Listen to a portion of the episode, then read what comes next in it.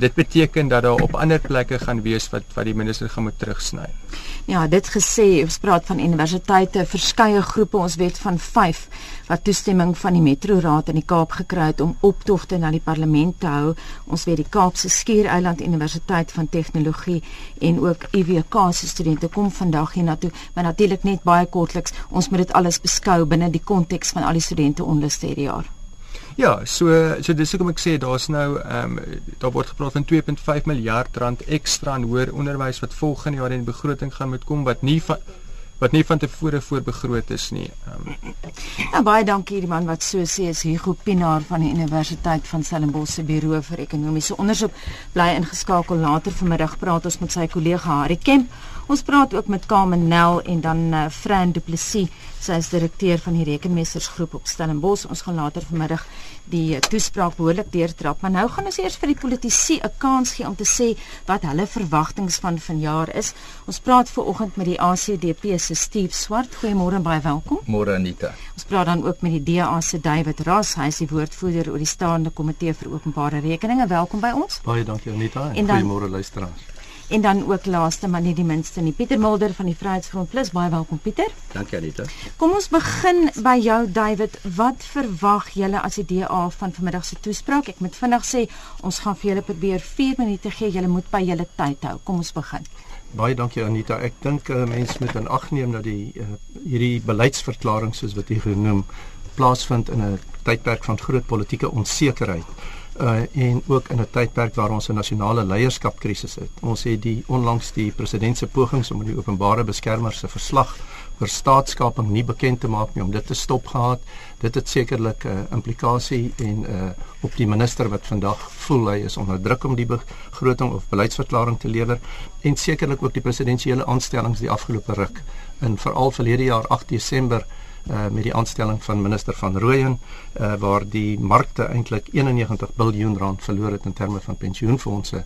Dit is die agtergrond en sedertdien van verlede jaar tot nou toe is daar eintlik geen verbetering in die politieke onstabiliteit in die land nie en is dit baie duidelik dat die stryd vandag gaan tussen die Zuma faksie en minister Gordon se beheer oor die tesorie en vandag sal die minister dalk vir ons met 'n aanduiding gee op die institusionele onafhanklikheid van die tesorie vir hom krities belangrik is. Vir my sal dit belangrik wees dat hy daarop ook konsentreer. Maar sekerlik is die minister se vyf groot uitdagings vandag, soos hy ook genoem het, om die lae ekonomiese groei aan te spreek.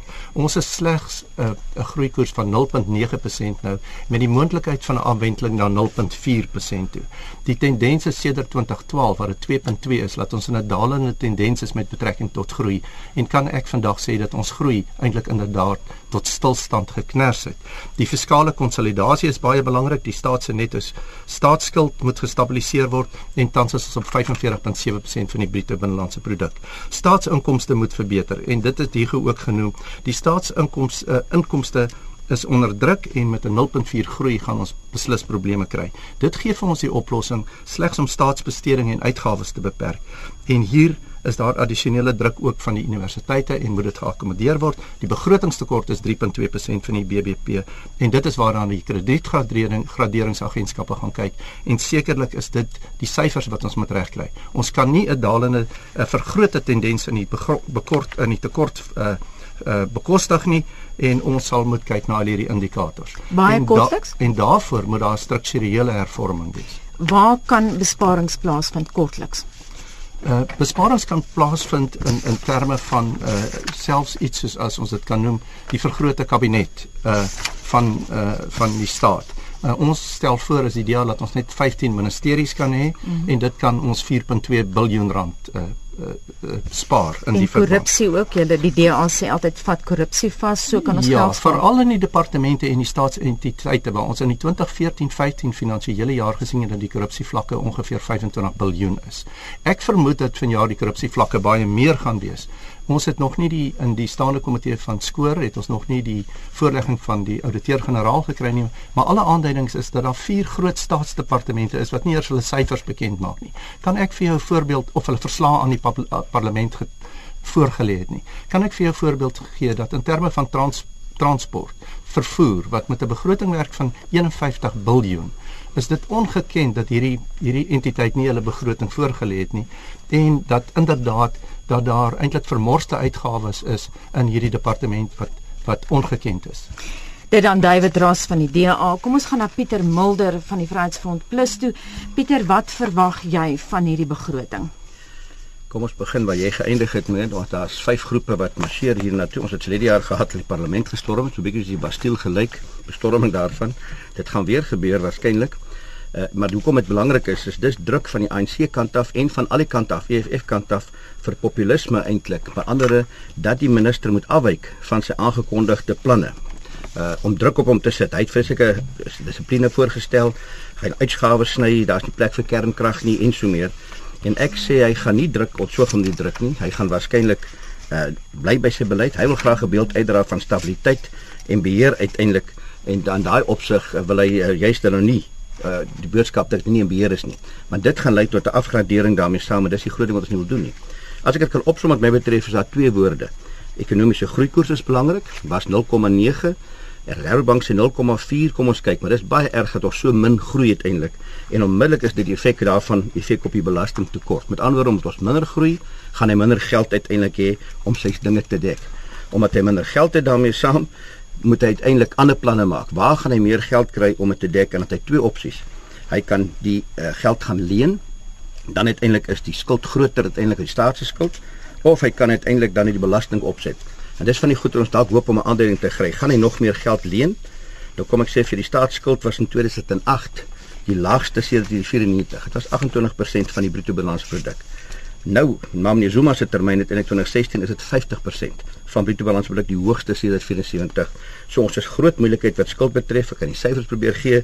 1.8 miljoen tot 2 triljoen wat ons skuld.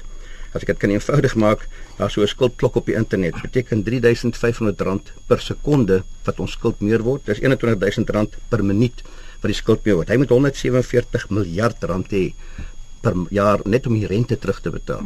So ons wil nie nog skuld aangaan nie. Ons wil die skuld omdraai uiteindelik. So ons hoop die groeikoers verlore wees dat ek hier meer geld kry om dit te kan omdraai. Pieter, verwag jy dat die verhouding tussen meneer Zuma en meneer Gordhan ter sprake gaan kom? Ek dink hy slim genoeg om dit glad nie te noem na geen kant toe nie. Daar's een rubriekskrywer wat baie mooi geskryf het in Trevor Manners het dit goed gegaan want hy het vir meneer uh, president Bekkie agter sy rug gehad wat hom ondersteun het. Nou meneer Gordon het ook vir meneer Zuma agter sy rug, maar hy het met 'n mes in sy rug op die oomblik en dis 'n groot verskil. Uh ons gaan dit sien in die liggaamstaal dalk, hulle sal styf daar sit te mekaar groet, maar die geveg is aan.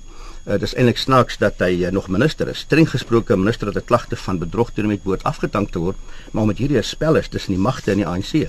Nou moet ek net bysê wat die uh, graderingsmaatskappye betref, kyk hulle na die syfers, maar ek is bevreeslik kyk ook nou so dan na die politiek na die onderhouding tussen die twee en die stabiliteit daarmee saam het nie Gordon 'n lang lewe gehad hy oorleef of gehad hy nie oorleef nie en dis deel ongelukkig van die spel 25 November gaan Moody's hulle besluit bekend maak en dis baie belangrik hoe sterk kom die Gordon uit vandag en lyk dit of hy enigstens ondersteuning van die president het dit sal ons moet kyk Ja, die man wat so sê is Pieter Mulder en hy is van die Vryheidsfront Plus en daarmee gaan ons na Steve Swart van die ACDP toe. Steve, wat verwag julle van vanmiddag se toespraak? Anita, ja, dit is bemoedigend om te sien hoe sterk Pravin Gordhan heidaglik staan onder geweldige uh ontsettende moeilike omstandighede. Hy het min beweegruimte en ons verwag dat hy gaan bly by sy bestedingsplafon. Hy moet bly by sy fiskale konsolidasieplan om te keer dat daai soos my kollegas gesê het dat die afgraderingsmaatskap uh, maatskap agentskappe kyk na en en ons soewereine skuld afgradeer. So hoe om dit te doen? Sal hy korrupsie en wanbesteding moet aanspreek as gedeelte hiervan? Onthou die ACDP het 'n vraag gevra destyds aan die spesiale ondersoekeenheid om te skat wat is die raamte van die korrupsie en wanbesteding 30 miljard rand per jaar kan gespaar word. Ons het gesê gee die uh, spesiale ondersoekeenheid meer geld dat hulle hierdie geld kan invorder. So dit is 'n baie belangrike aspek. Tweedens ons soek eerlike leiers. My kollegas David Ross het gesê daar's 'n leierskrisis. Is dit te veel gevra vir eerlike, godvreesende leiers wat nie daar is vir eie gewin nie? Ons het staatskaping gesien en dit is iets waar ons moet baie sterk daarteen bid. Ons moet sterk staan. Alles kom tot 'n punt toe nou. Die volgende week gaan ons ons minister daar in die hof sien wat gedagvaar word vir strafregklagte. Dit kan nie so aangaan nie en ons bly vol hoop dinge gaan gekeer word, reg en geregtigheid gaan geskied en ons gaan sien dat die minister gaan vandag baie baie sterk staan met die met die al, alhoewel hy nie dalk die president ondersteun het, het hy die meerderheid Suid-Afrikaners wat in sy hoek staan en vir hom sê staan sterk teen hierdie staatskaping wat aan die gang is. Dit is eintlik 'n skande dat hy voor die hof gedaar word. So ander aspekte wat hy sal moet kyk soos ons weet die studente aangeleenthede daar sal hy geld moet gee. Droogtehulp is uiters uiters belangrik. En ons weet daar is 6 miljard rand se uh, daar by die gebeurlikheidsfonds. Dalk kan hy daar iets uh vir vir vir droogtehulp gee. Dit is iets wat baie baie ernstig almal gaan raak. So alles in aggenome het hy 'n baie moeilike taak uh, vanmiddag, maar hy moet bly by sy begroting wat hy hierdie jaar aangekondig het. Hy moet bly by sy fiskale konsolidasiepad en sy bestedingsplafon. Steve, kan hy dit doen? Dit gaan moeilik wees, maar ek ek dink hy gaan sterk staan. Hy weet hy moet daai kant alhoewel daar protesaksies gaan wees, ek dink hy gaan sterk staan want die gevolge kan ons net nie bekostig nie as die staat se soewereine skuld afgradeer word. Nou ek het hierdie vraag vir Pieter gevra, maar dink jy ons kan 'n afgradering vermy?